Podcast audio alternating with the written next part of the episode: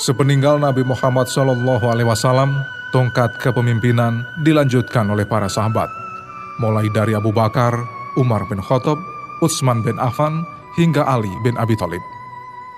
Saat mereka memimpin, agama Islam berkembang pesat, sekaligus merupakan zaman keemasan Islam. Periode kekhalifahan Umar merupakan masa paling gemilang dalam risalah dakwah Islam, karena penyebaran agama Allah itu mencapai hampir ke seluruh penjuru dunia. Pada masa kekhalifahan Utsman bin Affan, terjadi pertukaran duta antara Arab dan Cina. Utusan yang dikirim adalah Sabit bin Khais dan sahabat Sa'ad bin Abi Waqqas. Peristiwa itu merupakan tindak lanjut dari kunjungan utusan Kaisar Cina ke Madinah beberapa tahun sebelumnya. Peristiwa itu terjadi tepatnya pada tahun 651 Masehi. Tahun 684 Masehi, 33 tahun setelah kedatangan saat, berdiri sebuah masjid di ibu kota Chang'an yang diberi nama Hou Jingxiang. Peresmian berdirinya masjid ini dilakukan dengan upacara kebesaran Cina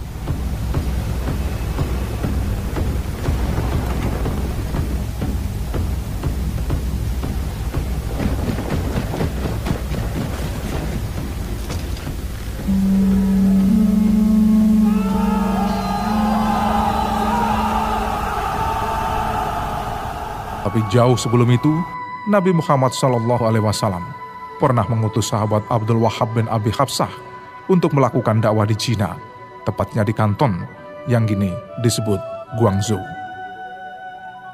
Seiring perjalanan waktu, hubungan itu diformalkan dengan pertukaran duta besar dan melakukan misi perdagangan kedua negara yang akhirnya saling mendapatkan keuntungan dari hubungan baik tersebut.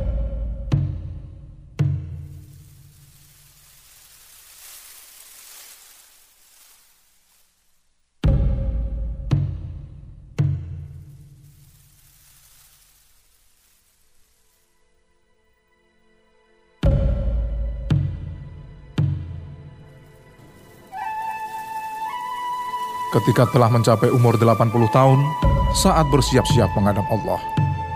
Al-Akhik, anaknya mengisahkan, kepala bapaknya berada di pangkuannya dan semakin lama semakin melemah. Al-Akhik menangis terisak-isak. Tiba-tiba saat berkata, apa yang kau tangisi anakku? Ingatlah, Allah subhanahu wa ta'ala tidak pernah dan tidak akan pernah menyakitiku. Karena aku termasuk penghuni surga.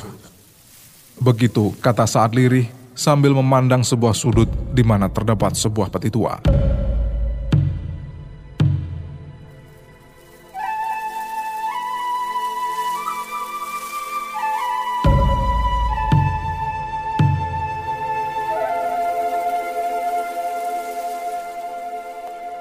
Bukalah peti tua itu. Begitu pinta saat kepada anaknya. Setelah dibuka, ternyata di dalamnya tersimpan sebuah jubah yang sudah lusuh. Kata saat, dengan jubah itulah anakku, aku bertempur menghadapi orang musyrik di perang Badar dan perang Uhud. Dan tahukah kau, anakku, aku menyimpannya untuk keperluan hari ini.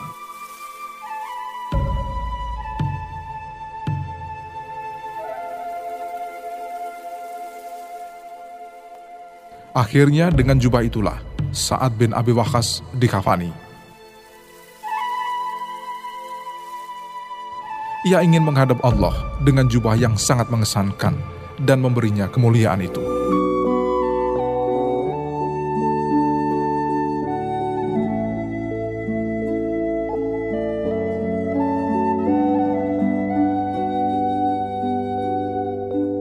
Semasa hidup, saat memang terlibat dalam berbagai momen penting, seperti pemilihan Utsman bin Affan sebagai khalifah ketiga dan terlibat dalam perang Hadisiyah di pintu gerbang Persia yang saat itu masih memeluk agama Majusi. Hampir seluruh hidupnya dijalani di medan perang, membela agama Allah dan Rasulnya. Jasad orang ketiga yang masuk Islam dan kemudian dikenal sebagai kesatria berkuda yang pemberani itu dimakamkan di Baki, Madinah di samping para sahabat yang telah mendahuluinya.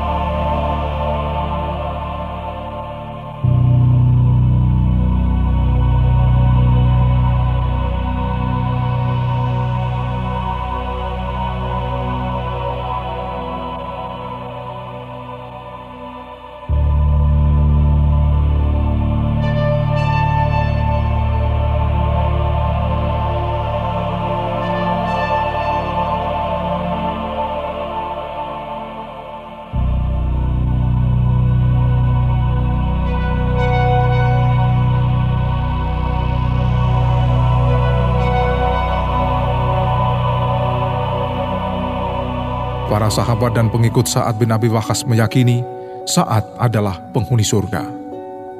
Jauh sebelum beliau wafat, Rasulullah bahkan telah memberitahu pada para sahabat.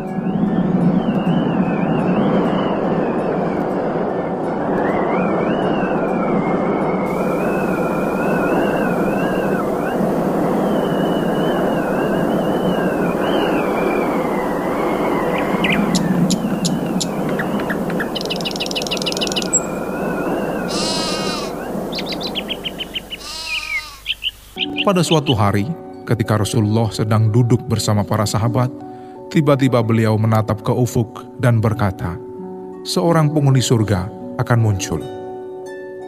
Ketika para sahabat mencari di sekeliling siapa yang dimaksud Nabi, tiba-tiba saat muncul. Salah satu sahabat, Abdullah bin Amr, menanyakan rahasia mengapa saat mendapat jaminan surga saat lalu mengatakan, "Ibadah yang aku kerjakan juga dikerjakan oleh orang lain, kecuali aku tidak pernah menaruh dendam atau berniat jahat terhadap kaum Muslimin."